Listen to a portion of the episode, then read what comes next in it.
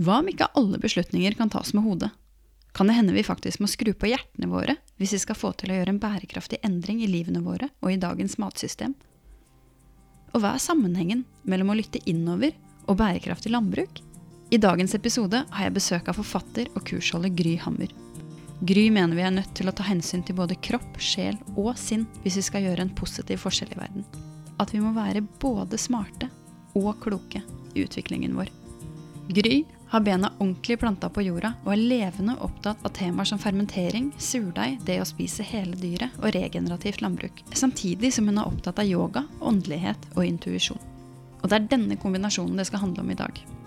Om hvorfor man ikke må la samfunnet definere hvem man er og hva man skal gjøre, men å finne sin egen sannhet ved å lytte innover.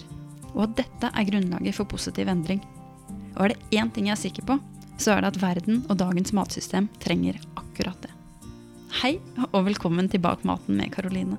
En podkast der jeg, Karoline Aalum Solberg, hver uke tar opp temaer jeg mener vi bør snakke om på veien mot et bærekraftig matsystem.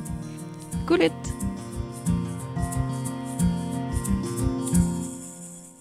Hei, Gry. Velkommen. Hei, og tusen takk for at du vil ha meg her. Jo, takk for at du ville komme. Du, um, den røde tråden i alt arbeidet du gjør, um, er på en måte å jobbe for en sunn og bærekraftig livsstil, samtidig um, som at du har lyst til å ta vare på deg selv og uh, moder jord. Da. Og det er på en måte den sammenhengen her jeg har lyst til å, å snakke om i dag. Men, men, først, kan ikke, du, kan ikke du si litt om motivasjonen din for å jobbe med det du har valgt å jobbe med? og det du formidler, da? Grunnmotivasjonen er jo at jeg øh, Jeg er vel en sånn sannhetssøker. Uh, og det betyr ikke at det som er sant for meg, er sant for deg, men jeg jakter hele tida på det som er sant for meg. Og det har forandret seg gjennom livet. Uh, det som var en ubestridt sannhet for meg da jeg var 25, det er ikke det nå lenger. Og så forbeholder jeg meg retten til å utvikle meg og evolvere sånn som resten av uh, verden skal gjøre, da. Og oppi det hele så har jeg et veldig formidlingsbehov, så det har vært naturlig for meg å bare dele reisa mi og min ferd, enten det har vært snakk om mat eller helse eller yoga eller hva det nå er det har vært jeg har snakka om. Ja, for hvordan ser en bærekraftig livsstil ut for deg? Du var jo litt inne på det nå.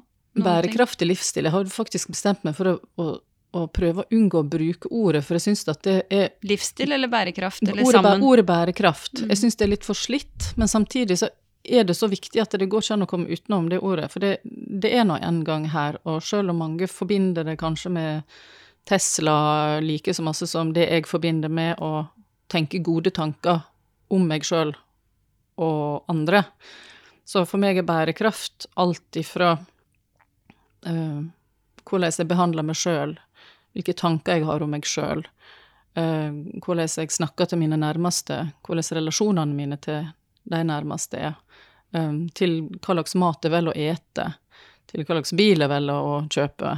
Um, for jeg tror jo veldig mye på en helhetstanke, og alt henger i hop. Så vi kan gjerne dele det opp i bærekraftig ditt og bærekraftig datt, men til sjuende og sist så er det jo en helhet av bærekraft.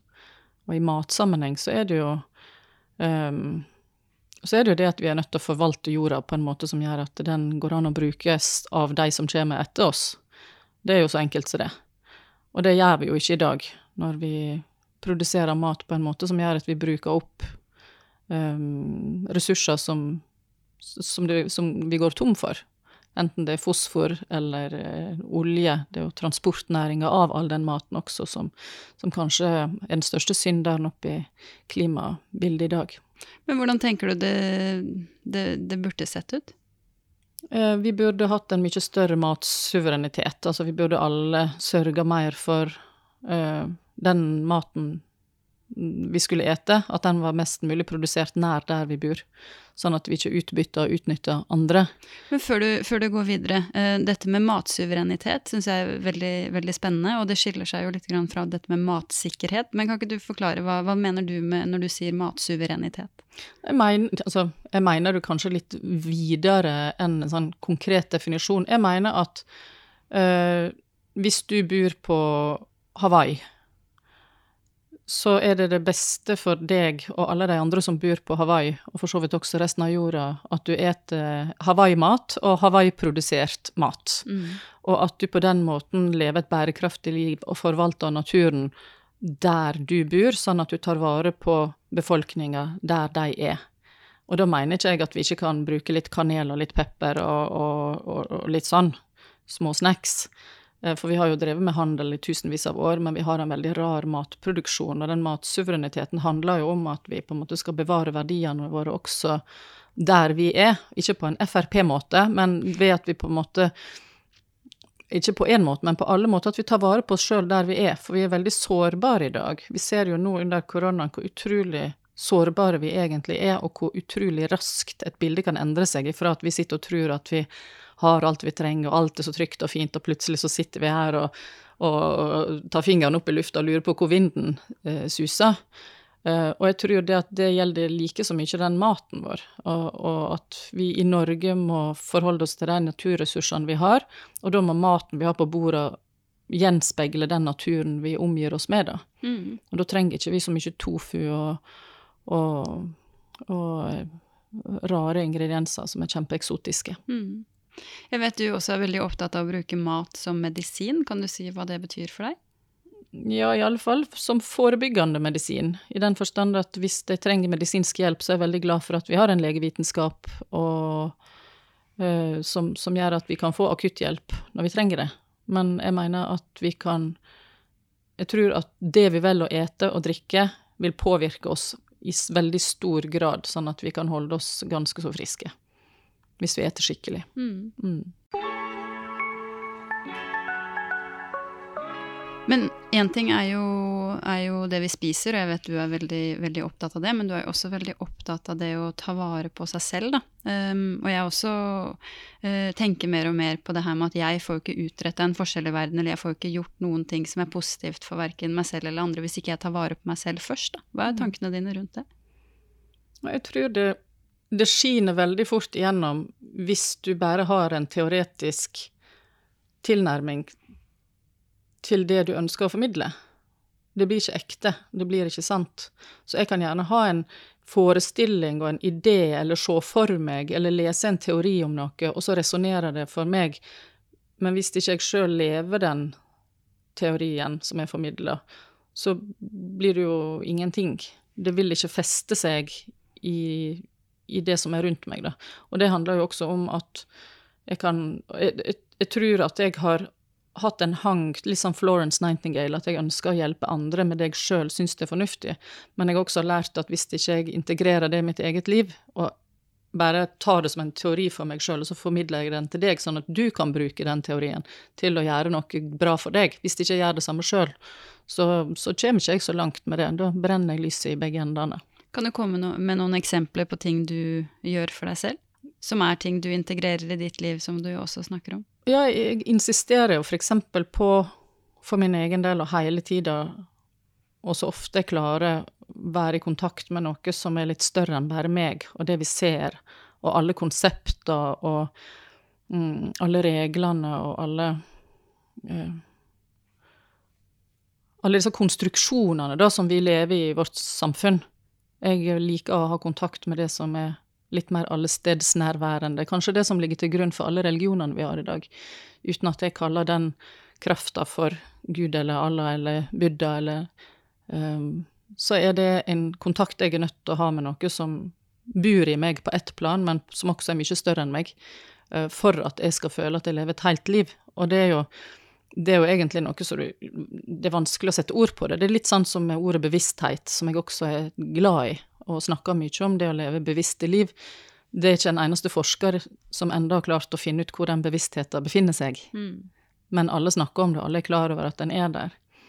Uh, og jeg tror de fleste som har levd et liv der du har opplevd litt mer enn bare sånn uh, sus og dus, så, så veit vi at det er, er, en dimensjon som vi gjerne vil, vil uh, vi kan få både trøst og støtte og kraft i den dimensjonen.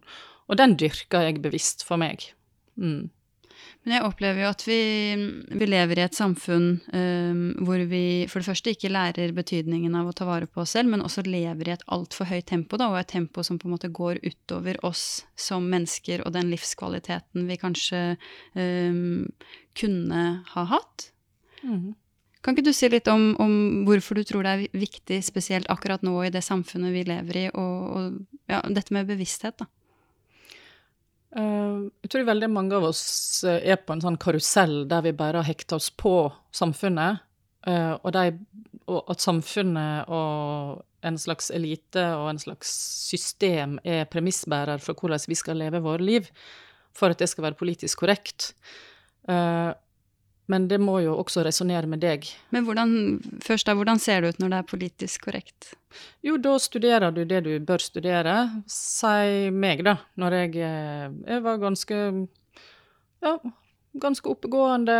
Da var det naturlig at jeg skulle ta en høyere utdanning. Det kan godt hende at jeg har hatt det mye kjekkere som glassblåser i 30 år, istedenfor at jeg da valgte å studere statsvitenskap, litteraturvitenskap. Jeg var opptatt av å vise at jeg var flink. Vi lever i et samfunn som handler litt om at vi skal være perfekte. Og misforstå meg rett, for jeg mener at vi i løpet av vårt liv skal utvikle oss og benytte oss av vårt potensial. Jeg tror også at mye stress og ulykke, personlig ulykke kan ligge i at vi ikke på en måte eh, får ut det som bor i oss som mennesker. Så det tror jeg er viktig, men det er ikke sikkert at det er samfunnet som gir deg, og de strukturene og de institusjonene som eksisterer. Det er ikke sikkert du får fullbyrda ditt potensial innenfor de rammene, og at en sjøl kan tillate seg å forbeholde seg retten til å leve det livet en har lyst til å leve. Det kan være vanskelig å bryte ut av en sånn her idé om at du skal da, På min tid så måtte jeg ha ei cand. mag.-grad, og hvis jeg ikke hadde det, så var du ingenting. Og i dag må du iallfall ha ei master. Uh, og du skal være sånn, og du skal være slik, og du skal mene ditt, og du skal mene datt. Og det er veldig sånn, vi er veldig polariserte.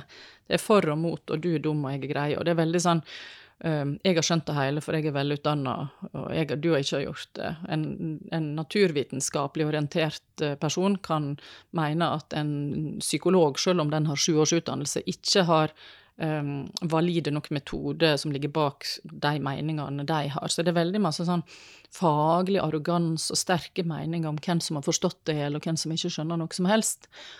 Og det, litt sånn som jeg sa i stad, at det som var min sannhet når jeg for 20 år siden, er ikke den sannheten jeg har i dag. Og vi har lov å utvikle oss, vi har lov å tenke frie tanker, og vi har lov å utvikle oss sånn som vi har lyst til å utvikle oss. Men da må du også vite hvem du er. Og du må tørre å kjenne etter hvem du er. Mm. Uh, og jeg tror vi leter veldig mye utafor oss sjøl for å finne en slags idé om hvordan vi skal være, istedenfor å lytte og vende den oppmerksomheten innover. Og det er jo mm. der du begynner å leve et bevisst liv. Mm. Når du begynner å kjenne etter. Hvem er jeg? Og velge ditt eget liv, da. Du må velge ditt eget liv og ville ditt eget liv for å leve et godt liv. Mm. For ellers så lever du livet ditt på andre sine premisser. Og det har jo jeg sjøl gjort i mange år, fordi jeg trodde det var sånn det skulle være. Samfunnet vårt er bygd opp på den måten. At du skal studere det og det og bli det og det og det, og da er du såkalt vellykka, og så skal du helst ha et par unger, og hvis ikke du har det, så er du ikke vellykka, og hvis du skiller deg, så er du heller ikke vellykka. Så er det mange sånne ideer og konstruksjoner vi har om hva som er sant og riktig, og så er det egentlig bare oppkonstruert, da. Det passer akkurat nå for noen, men for mange så passer det ikke, og om ti år så passer det i alle fall ikke, fordi vi er jo hele tida i bevegelse og i utvikling. Men jeg opplever jo at vi, vi, lever i en uh, tid nå hvor flere og flere bryter ut av akkurat det, da, og blir mer og mer opptatt av det du snakker om nå, det å finne sin egen sannhet og det å uh, tenke selv og gjøre sin egen greie, da. Mm. Mm. Men uh, jeg håper de gjør det ut ifra at de faktisk ikke, at, de, at ikke du bare gjør det for å rebellere, men at du gjør det og samtidig virkelig kjenne etter hva det er du vil. At ikke du bare gjør et eller annet på trass, og så sitter du plutselig i en situasjon som ikke var i nærheten av det du hadde ønsket og tenkt. Og det er det jo faktisk heller aldri. De forventningene våre, det tror jeg er en av mange årsakene til stress. Det var en sånn studie som viste at unge, en amerikansk studie, at de unge som vokser opp i dag, uh, de har to drømmer. Det, er at de skal bli rike og berømte. Det er det de mener er uh, det som skal til for at du skal leve et lykkelig liv. Og så var det da en lengre studie, jeg husker ikke hva den heter, men den har vart i 60 år, der, det, der de har, eh, har fulgt en gruppe med, med, mennesker, jeg tror faktisk dessverre det var bare menn, men de de har fulgt dem over 60 år. Og det var verken det å være rik eller berømt som var kilden til lykken, og flere av dem hadde blitt både rike og berømte, og det var ikke der nøkkelen lå, da. Så vi har Hvis det er målet ditt når du bryter ut for å følge drømmen din, er det din drøm, eller er det en idé du har? Mm. Mm. Har du noen tips for å finne ut av det? Hvordan Mm, skiller man, skiller man liksom Hvordan vet man hva man vil? Du må først velge deg sjøl, og ikke bare tenke at jeg vil være sånn som hun, hun der borte, eller han der borte. Mm. Jeg, at du må kjenne at jeg vil være meg. Jeg har fått den kroppen her i det livet her, og den vil jeg bo i og være i og gjøre så godt som jeg kan i, og kjenne at jeg har det så godt som jeg kan i. Hvis det blir en evig jakt etter å bli en versjon av deg sjøl som du aldri kan bli Jeg vil aldri få tjukt, krøllete hår. Jeg vil aldri bli to meter høy. Jeg vil aldri bli eh, Altså, det er mange ting jeg aldri kan bli, og det er ganske greit å være, være ganske klar på Mm. vite. vite det er jo den Vi er rasjonelle mennesker, takk og lov. Vi er også følelsesstyrte mennesker, takk og lov. Og hvis vi klarer å ta inn over oss begge de to dimensjonene, så tror jeg vi får med oss ganske mye. For du må jo kjenne etter i kroppen din og i magen din og hjertet ditt at det jeg gjør nå, det er riktig for meg, dette her føles godt. Nå gjør jeg noe som gir meg næring, sånn at jeg har det godt videre. Nå gjør jeg noe som er bærekraftig for meg, da. Mm. Ikke sant? Fordi da gjør jeg en, foretar jeg en handling som gjør at jeg kan bevare energien min, eller forsterke den over tid. Det er å leve et bærekraftig liv for seg sjøl på en veldig sånn overordna måte. Jeg vet du tenker at uh, mange av oss er fattige i sjela, og, og trenger litt mer næring for sjela, rett og slett. Hva, hva mener du med det? Jeg mener med det at vi består av så mye mer enn bare det vi ser og det vi gjør. Og vi lever også i ei tid der det er intellektet vårt og det rasjonelle og det naturvitenskapelige og det markedsliberalistiske, det er det som er de hovedkreftene i den tida vi lever i. Og i den tida så passer det da eksempel dårlig å være følelsesstyrt. Det passer dårlig å, um, å ha en religion. Eh, du, hvis ikke du er rasjonell og handler ut ifra um, saklige og vitenskapsfundamentert eh, ståsted, som er bekrefta helst i samlestudier, så er ikke det riktig, det du gjør. Uh, og det syns jeg er det gjør livet mitt fattigere. Hvis det, det har gjort livet mitt fattigere, for jeg har vært der. Jeg har vært utdanna i det systemet som har gjort at jeg har hatt en stor faglig arroganse overfor andre som ikke har forstått det jeg har forstått. Men det mener jeg er Det mener jeg er Arroganse er noe av det farligste vi har, fordi at vi ser ikke andre. Vi ser ikke våre medmennesker, da. Vi ser bare oss sjøl og det som er vi har funnet er riktig for oss akkurat her og nå, og det, det, det tror ikke jeg på. Jeg tror ikke, den må, tror ikke på den måten å leve livet på jorda på. Eh, Vi er hele mennesker, vi består av kropp, sjel og sinn. Vi trenger mer enn bare det som eh, markedskreftene og naturvitenskapen kan gi, oss. Jeg er jo en av de som er veldig følelsesstyrt, og, og egentlig eh, bruker det jeg kaller intuisjonen min da, til, å, til å ta absolutt alle avgjørelser i livet. Men jeg syns det er litt vanskelig i eh, profesjonelle settinger eller i en hvilken som helst setting, når du på en måte blir møtt med den eh, vitenskapelige arrogansen som du snakker om, da, og at alt skal være vitenskapelig eh, dokumentert. Hva, hva er tankene dine rundt det å på en måte eh, tørre å stå i den måten å leve på i møte med noe som er hardt og noe helt annet, da. Du må jo vite hvem du er, da. Du må jo være trygg på din egen kjerne. Og da må du ha brukt litt tid på nettopp deg sjøl, og ikke, ikke alt det som er rundt oss. Uh, og jeg tenker at det er fint at du er følelsesstyrt, og at du handler ut ifra intuisjon, men det fordrer jo at du veit kjenner dine egne følelser og kjenne deg sjøl godt nok, sånn at du veit at den intuisjonen er til å stole på. For du kan igjen da ha en sånn teori om ja, jeg vil gjerne leve livet mitt på intuisjon, og så er det bare tull, fordi at du har ikke kontakt med den du egentlig er. Men du har en idé om hva det vil si å leve på intuisjon. Hvordan vet man forskjell på det, da? Du må være villig til å kjenne etter Mm. nok. At ikke det bare er enda en idé som du har hørt en eller annen YouTube-snutt på en eller annen kløktig person.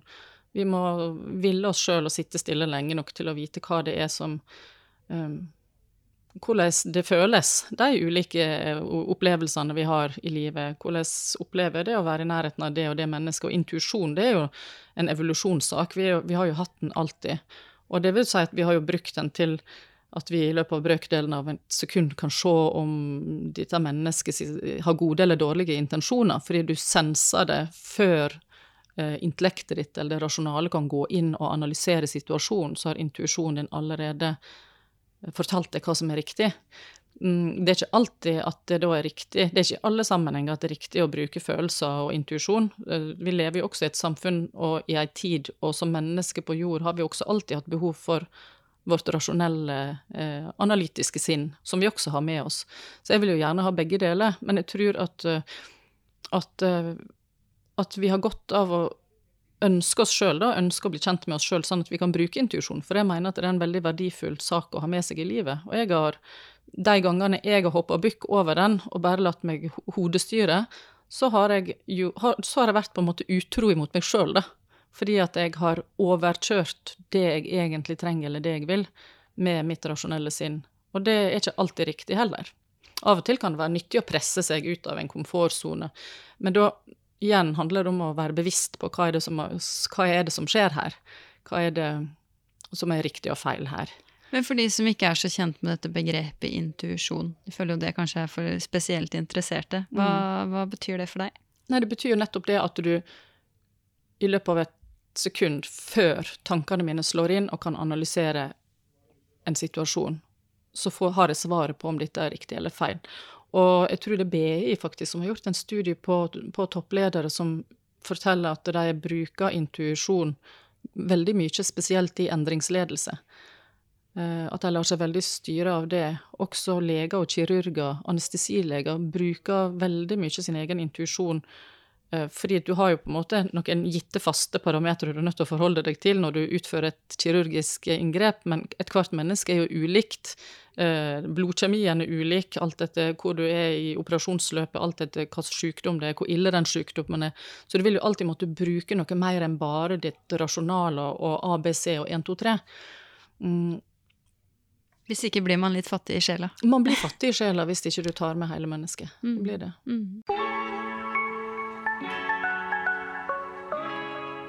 Vi har jo brukt mye tid nå på å ikke å prate om mat, men å prate om, om, om, det å egentlig ta vare på seg selv. Da. Men jeg tenker jo at det å ta vare på seg selv og det å ta vare på jorda og ha et godt landbruk egentlig henger veldig tett sammen. Da. Um, og derfor jeg hadde lyst til å bruke så mye tid på det uh, i den podkasten her. Kan ikke du dele litt tankene dine om, om hvordan det henger sammen? Det henger veldig i hop, for jeg tror at uh var det Gandhi som sa det, at eh, bevissthetsnivået til et samfunn kan speiles i hvordan vi behandler våre Gjenspeiles i hvordan vi behandler dyra våre. Og det syns jeg er veldig godt sagt. Uh, og det er det som jeg syns er skummelt, det er at når vi lever sånn som vi gjør, så langt vekk fra naturen, så blir vi fremmedgjort. Vi har ikke kontakt med det vi eter eller drikker. Derfor er det mye lettere for oss å ta avstand ifra det, og heller se på det som en idé eller en diett eller en trend, uh, uten å egentlig å ha kontakt nok med jorda til å forstå det. Og sågar bønder er jo nødt til å spille på lag med um, et matsystem som er skapt av pengestyrte, større selskap. Altså All, dagens system? Dagens matsystem ja, har veldig veldig mange svakheter, syns jeg. Og det er fordi at det er ikke jordkvaliteten som er i fokus, det er lommeboka til de store selskapene som er i fokus, og at vi har laga et system, konstruert et system, som faller sammen, der man tape penger og tape makt og tape posisjoner, som gjør at vi gjør hva som helst for å holde de systemene ved like. Og det går på bekostning av bonden, det går på bekostning av helsa til bonden, og det går på bekostning av helsa til dyra og kvaliteten på de vegetabilske matemnene vi produserer. Som all den monokulturen vi driver med. Og så er det på en måte helt fascinerende for meg at vi har en, matkult, mat, altså en matproduksjon som, som Altså, fundamentet for vår matproduksjon er det vekstmantraet som ligger i markedsliberalismen. Det skal alltid være vekst. Eh, og hvis vi baserer den vekstmodellen på ikke-fornybare ressurser, som f.eks.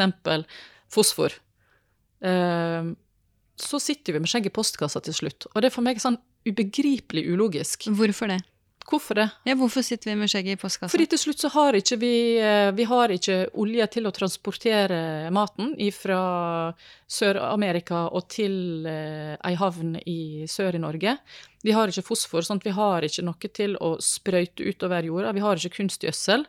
Og hvis vi skal bli veganere, så har vi heller ikke husdyr sin møkk til å, som vi kan bruke til å tilføre fosfor og andre verdier til jorda, sånn at den kan fortsette å produsere mat for oss.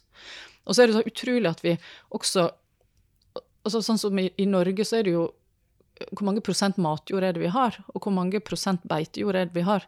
Det er iallfall helt ubeskrivelig mange flere prosent eh, beitejord i Norge enn det er matjord, der vi kan dyrke mat. Og så skal vi ha en idé om at vi skal leve mest mulig plantebasert. Det er jo forbausende ulogisk. Og at husdyra ikke skal ha noen rolle. Og det betyr ikke at jeg mener at vi skal Det er jo ikke kua eller sauen som er problemet, det er jo måten vi velger å drive eh, produksjon av dyr på. At de ikke får være i nærheten av å leve et liv eh, i tråd med sine naturlige disposisjoner. Beitende dyr skal beite. Og hvis de skal leve på korn og soya og bønner, så blir de syke, og så eter vi dem, så blir vi syke. Det er jo veldig logisk. Og vi har vitenskapelige studier som, som forteller at det er en sammenheng mellom det her. Uh, og jeg syns det er bare ubegripelig at vi fortsatt kan holde fast på disse her konstruksjonene, da. Mm. jeg er litt sånn sivilisasjonskritisk, for jeg mener at uh, der skorter det på fornuften, da. Den får ikke slå inn. Men etter å ha, ha jobba i landbruket, eh, litt sånn landbrukspolitisk noen år, så opplever jeg jo at mye av det jeg har hørt, er motsatt. Da. At det er eh, Man finner veldig fornuftige grunner til å holde på disse elementene i et system som ikke fungerer hver for seg, da. Mm. Mm. Ja, og det er fordi at man har feil fokus. Fordi at det, det er altfor kortsiktig fokus. Så lenge du er styrt av eh, at du skal skape vekst ut ifra en markedsliberalistisk modell, så vil du aldri klare å leve eh, og skape mat i takt og i pakt med naturen. Du nevner jo det her med markedsliberalisme, eller har nevnt det flere ganger nå. Hva, for de som ikke er kjent med det begrepet, hva, hva betyr det? Hvordan ser det ut i dagens matsystem? Det ser ut slik at uh, du som bonde er nødt å produsere mer og mer. Eh, forbrukeren skal betale mindre og mindre. Vi må effektivisere all verdens produksjon. Eh, mekanisere den. Eh, og gjøre den så effektiv som mulig. Det gjør at du, vi til nå har utvikla en sprøytemiddelindustri, en plantevernindustri, en kunstgjødselindustri, for at vi skal kunne gro det gresset eller den tomaten eller hva nå enn det er, det dyret, så fort som overhodet mulig. I kyllingindustrien så skal de vokse helt til føttene knekker, og så er de klare til. Rett før så skal de slaktes. Og det er et eksempel på hvordan eh, hva, konsekvensen blir når du bare skal tenke at ting skal bli størst og, størst og best så fort som mulig. Og best betyr da størst og billigst. Mm. Det er da det som defineres som best i en sånn modell. En motsats til det her, som jeg vet du er veldig opptatt av, som tar virkelig vare på jorda og har jorda i fokus, er dette her med regenerativt landbruk. Hva, hvordan ser det ut? Det ser iallfall helt annerledes ut, fordi at utgangspunktet er kvaliteten på matjorda. At du hele tida tilfører topplaget næring, sånn at det alltid vil kunne produsere ny beiteeng eller ny grøde. Og det går kanskje ikke like fort og like mekanisk alltid, men det finnes faktisk en del indiske studier på, på at de får mer vekst. fordi det er jo klart at hvis du skal dyrke på det, på det tradisjonelle viset, på monokulturviset, så på et tidspunkt så stopper stopper det hele opp. Når du har utarma jorda, så er det ikke noe mer igjen. Så du kan pøse så masse kunstgjødsel du bare vil ned i den jorda, men den er steindød. Der er ikke mer å hente. Uh, men det vil jo aldri skje i det regenerative landbruket, fordi du vil alltid imitere naturen. Hele modellen handler om å spille på lag med naturen og imitere naturen sånn som den oppfører seg naturlig. Og det vet vi jo alle at det er jo det som fungerer best. Og det har jo også vært en sånn idé om at eh, det vanligste argumentet er jo at vi er nødt til å fortsette sånn som vi gjør med det konvensjonelle landbruket, ellers er det ikke nok mat på jorda. Men det er ikke sant. Fordi vi har beitejord overalt, og i langt større grad enn det vi har matjord. Og hvis vi forvalter den på en riktig måte, så er det mer enn nok mat til alle. Så det største problemet er jo ikke at vi ikke har beitejord. Det største problemet er jo maktstrukturer og elite, og at der sitter noen som har mye og vil ha mer, og aldri får nok. I den her evige markedsliberalistiske eh, vekstmantraet. Kan du konkret forklare, eller kan du komme med et eksempel? På regenerativt landbruk? Nei, på, på de som sitter med makt og mye vil ha mer, og hvordan ser det, det ut? Et eksempel det er at hvis alle kjøper Geriljahagen, som er ei bok som Kari Gåsvatn har skrevet, har du hatt henne som gjest? Nei. Nei. Inviter henne som gjest, så, så, kan hun komme med mange eksempel. Hun er en fantastisk ressurs, en journalist, det er vel Nasjonen hun har skrevet for, uh, og kommer med veldig mange grundige forklaringer på hvordan hele systemet henger sammen. Eh, veldig, veldig god og klok bok. Mm. Og det er jo også det jeg savner litt, at vi, har, vi er veldig kunnskapsorienterte, og vi er veldig vitenskapsorienterte, og det syns jeg er kjempeviktig. Men eh, det mangler en klokskap. Du må kunne forvalte de resultatene du får, på en god måte. Og det syns jeg også er så fascinerende at når du har regenerativt landbruk, der du vet at at det er en bærekraftig måte å produsere mat på, som fungerer i Norge og i Afrika. Den fungerer på alle kontinent. Um, og det finnes veldig mange studier som viser at det virker overalt. Men det er noe med hvilken, hvilke studier er det vi vektlegger, hvilke studier er det vi løfter fram. Um, det vil alltid også være i tråd med faktisk også følelsene til både forskere og Ehm, det trossystemet et menneske har i møte med en studie, så vil en tolke ulike resultat ut av det. Det syns jeg også er litt sånn fascinerende å se hvordan vi hele tida finner, finner cherrypickings på hva som passer inn i den virkelighetsoppfatningen vi har. Mm. Jeg syns også det er veldig viktig det du sier med, med klokskap. For jeg syns det å på en måte være smart eller intelligent og det å være klok er to veldig veldig forskjellige ting. da. Og at i landbruket så fokuserer man på uh, litt sånn symptombehandling og brannslukking og det å være smart og intelligent. Mm. Mens uh, det vi kanskje trenger nå, er mer en sånn helhetlig tankegang. En økologisk tankegang, på en måte, og det å, å koble litt mer på hjertet og, og være klok, da. Mm. Mm. Det som jeg syns er, er, trist da, i den sammenheng, eller trist, det, det jeg vet, er at hvis du snakker med en, en helt vanlig bonde Hva er en helt vanlig bonde? Det hørtes utrolig dumt ut. Men la oss nå si en en bonde som ikke driver verken regenerativt eller økologisk. Mm. En konvensjonell bonde. En konvensjonell bonde. Mm. Det er ikke sånn at alle konvensjonelle bonder er kjempeteite og markedsliberalistisk styrt. Eh, jeg kjenner veldig mange konvensjonelle bønder, eh, og når jeg, og når jeg snakker med bønder, helt vanlige konvensjonelle bønder, så opplever jeg at når jeg snakker om det regenerative landbruket, så resonnerer det veldig, for det er så logisk. Det er ikke noe å være uenig i. Problemet er jo at når du jobber og har bygd opp en hel driftssystem som ikke er forenlig med det regenerative landbruket, så må du bruke enormt med tid. Du må bruke kanskje eh, være villig til å ikke ha inntektsgrunnlag på et par år, på samme måte som du har hatt før. Eh, og det er ikke alle som kan det. Veldig mange konvensjonelle bønder må også kombinere det med andre jobber. At de kan ikke være 100% bønder, fordi at du blir ikke lønna for strevet lenger i dag. Du har samme melkepriser i dag som du hadde for 20-30 år siden, og epleprisen er prikk lik. Så det er jo skammelig, syns jeg, at vi har et system som gjør at vi som forbrukere har en forventning om at maten skal være så billig at det er umulig å endre systemet.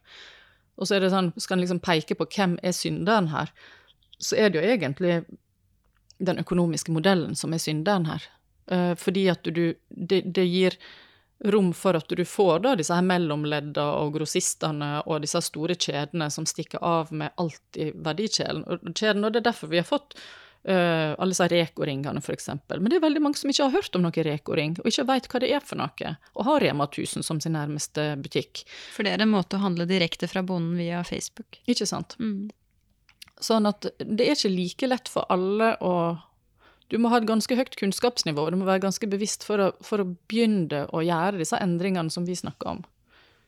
Men jeg har, jeg har, lyst til å gå litt tilbake til dette systemet som du skisserer, som man på en måte som bonde kan bli litt fanga i, da. Mm. Um, jeg lurer på hva er tankene dine rundt det å være fanga i et system um, versus å, å, være fri til å bryte ut av det, selv om det er skummelt og, og vanskelig, da, hvis du skjønner hvor jeg vil hen? Mm. Det er veldig lett for meg å sitte på som en sånn her eh, talsbærer for den her um, måten å drive jorda på, og skulle si at det er så lett for en bonde i Telemark eller i Vesterålen å gjøre de endringene.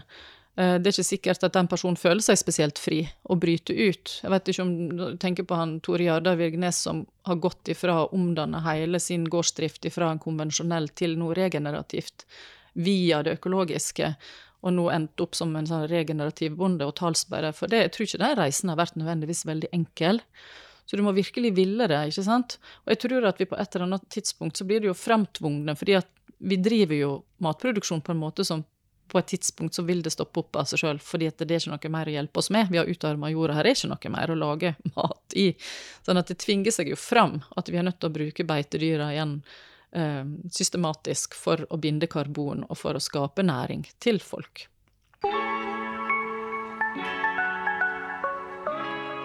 Jeg opplever at veldig mye av det du formidler, handler om å komme tilbake igjen til eh, røttene sine. Um, eller røttene våre, da. Har, har, du lyst til å si noe mer om det sånn før vi begynner å gå inn for uh, landing? ja. Uh, ja, for det, det, mener jeg faktisk, men da må du misforstå meg rett. For jeg tror at det viktigste Altså meninga med livet, det er evolusjon. Eh, at vi skal utvikle oss og strekke oss og komme oss videre. Men vi kan ikke hoppe bukk over fundamentet. Vi må være jorda i vår søken etter fullbyrdelse. Sånn at vi kan ikke på en måte hoppe bukk over, um, over naturen og det som er, og det som kommer fra, fra jorda du kom til, at jord skal du bli, og det er på en måte grunnlaget for alt liv. Tenker du da f.eks. store teknologiske fremskritt og, og, og hoppe bykse langt fram med det uten å ha med seg hjertet, er det det du tenker på? Ja, for eksempel. Eller at du tekno teknologifiserer en eh, matproduksjon så til det ugjenkjennelige. Du kan si at ultraprosessert mat er jo et resultat av at vi får masse masse, masse kunnskap om eh, kjemi og, og, ulike kjemiske substanser, hvordan det kan gjøre maten holdbar, uten at vi på en måte gjorde oss kjenner til hva er intensjonen med at vi gjør tilfører alle disse tilsetningsstoffene i maten. Hva er det vi vil? Hva er målet med det? Er det for at vi som menneskehet skal utvikle oss og bli friskere, og at vi skal ha et mest mulig bærekraftig jord? Eller gjør vi det fordi at uh, vi har funnet en så utrolig raffinert måte å behandle maten på som gjør at den varer evig? Sant? Og er veldig billig. Og er kjempebillig, og som mm. gjør at du kan kjøpe det inn, og så kan det være i butikkhylla i fem år. Og det må jo være helt topp, spesielt for de som skal tjene penger på det. Uh, og det kan være om du er på en åndelig utviklingsreise. Hvis du flyr til himmels eh, i en sånn, sånn her eh, Da blir du sånn flagrende, flagrende hippie, hvis ikke du er jorda. Så det gjelder egentlig på alle plan, at du må ha litt bakkekontakt med uansett hva du gjør. Og de beste forskerne og naturvitenskapsmenn er jo også de som, som på en måte er i kontakt med det som er viktig, samtidig som at de virkelig utvikler noe som er helt utenkelig for de vanlige, normale hjernene å klare å tenke. Um, Pythagoras var jo en sånn person, som vi på en måte bare plukka ut uh, det rasjonale Altså Einstein, Jung Alle disse her er jo egentlig mennesker som har vært uh, veldig åndelige men samtidig har gitt menneskeheten noen verktøy som har gjort at vi virkelig kan bevege oss eh, videre i evolusjonen i kvantesteg. Men det er ikke noe vi lærer om? Vi lærer ikke om det, nei. Så det blir plukka ut, det som skal passe inn i vår naturvitenskapelige mm. samfunnsmodell. Mm. mm. Når du snakker, så opplever jeg at du eh, representerer en systemendring, eller et paradigmeskifte, da. Um, kan du sånn helt avslutningsvis prøve å oppsummere litt det vi har eh, snakka om? Hva er det vi beveger oss vekk fra, og hvor er det vi skal hen, tenker du? Jeg tror vi må ha med oss eh, Altså, menneskeheten må ha med kropp, sjel og sinn for at vi skal øke den kollektive bevisstheten. Og hver og en er nødt til å eh, utvide sin egen bevissthet for at det skal skje. Så vi må lære oss å forholde oss til oss sjøl, um, vite hvem vi er, hva det er som er viktig her på jord. At vi ikke hekter oss fast i en idé eller en konstruksjon som andre har tredd over deg, som er blitt din sannhet uten at du noen gang har fått lov til å stille spørsmålstegn ved den. Til slutt så tør ikke du. Så det å våge å ville seg sjøl tror jeg er alfa og mega for at du skal klare å se um, systemfeil som du er villig til å bidra til å endre, og at ikke du blir så frustrert og sint og oppjaga på veien at du brenner opp kruttet ditt på sånn raseri på veien. For det opplever jeg at det er veldig masse aggresjon ute i feltet, enten du er veganer eller du er Idet man begynner å se feilene, på en måte? Ja, idet du begynner å se feilene, så kan det oppstå en veldig sterk frustrasjon og sinne. Det eneste du gjør da, det er å videreføre den aggresjonen og den, den negative energien. Det bare om, omformer du, og så mm. og skaper du den eh, skaper du, Bare slenger den ut i feltet på Det blir like negativt. Det blir ikke bedre. Og jeg tror, tror på kunnskap. Jeg, et, jeg, tror at det er viktig. Jeg tror på kunnskap. Jeg tror vi må ha, vi må ha kunnskap for å også klare å endre bevissthetsnivået vårt. Og Derfor har jeg jo også tro på vitenskapen. Jeg syns den er kjempeviktig. Så det er, det er det som jeg tror er i den grad jeg skaper, jeg, jeg tilbyr et annet, et paradigmeskifte, så er det jo at vi må bare velge å være litt mer klok her. Mm. Og så forholde oss til at det er så mye fornuftig eh, forskning. Her er så mange gode eh, sjeler som vil vel, som både vil produsere mat vel, og som eh, Hvorfor er det du vil bli lege? Det, altså, hvorfor er det du vil bli lege? Det er jo fordi du ønsker å hjelpe. Du vil gjøre en forskjell. Og så er det jo blitt sånn bare innenfor legevitenskapen og naturvitenskapen, eller naturmedisin, naturmedisinen, er det jeg prøver å si. Legevitenskapen og naturmedisin, så er det veldig sånn her krangling, ikke sant, der man ikke kan anerkjenne den andre, og jeg anerkjenner begge. For meg har begge, eh, begge fagmiljø vært livsviktige, men jeg vil arrogansen til livs. Så det jeg hører, uh, hører her, er, er, egentlig at du ønsker en, en, mye sterkere bro mellom det åndelige og det vitenskapelige? Da. Absolutt. Mm. Og det viser jo også alle de store tenkerne at de har vært sterkt forankra i mm. begge deler. Mm. mm. Tusen, tusen takk for at du kom, Gry. Takk for at jeg fikk komme.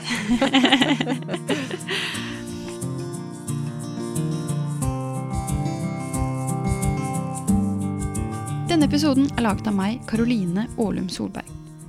Musikken er laget av Creo og Liro Sever.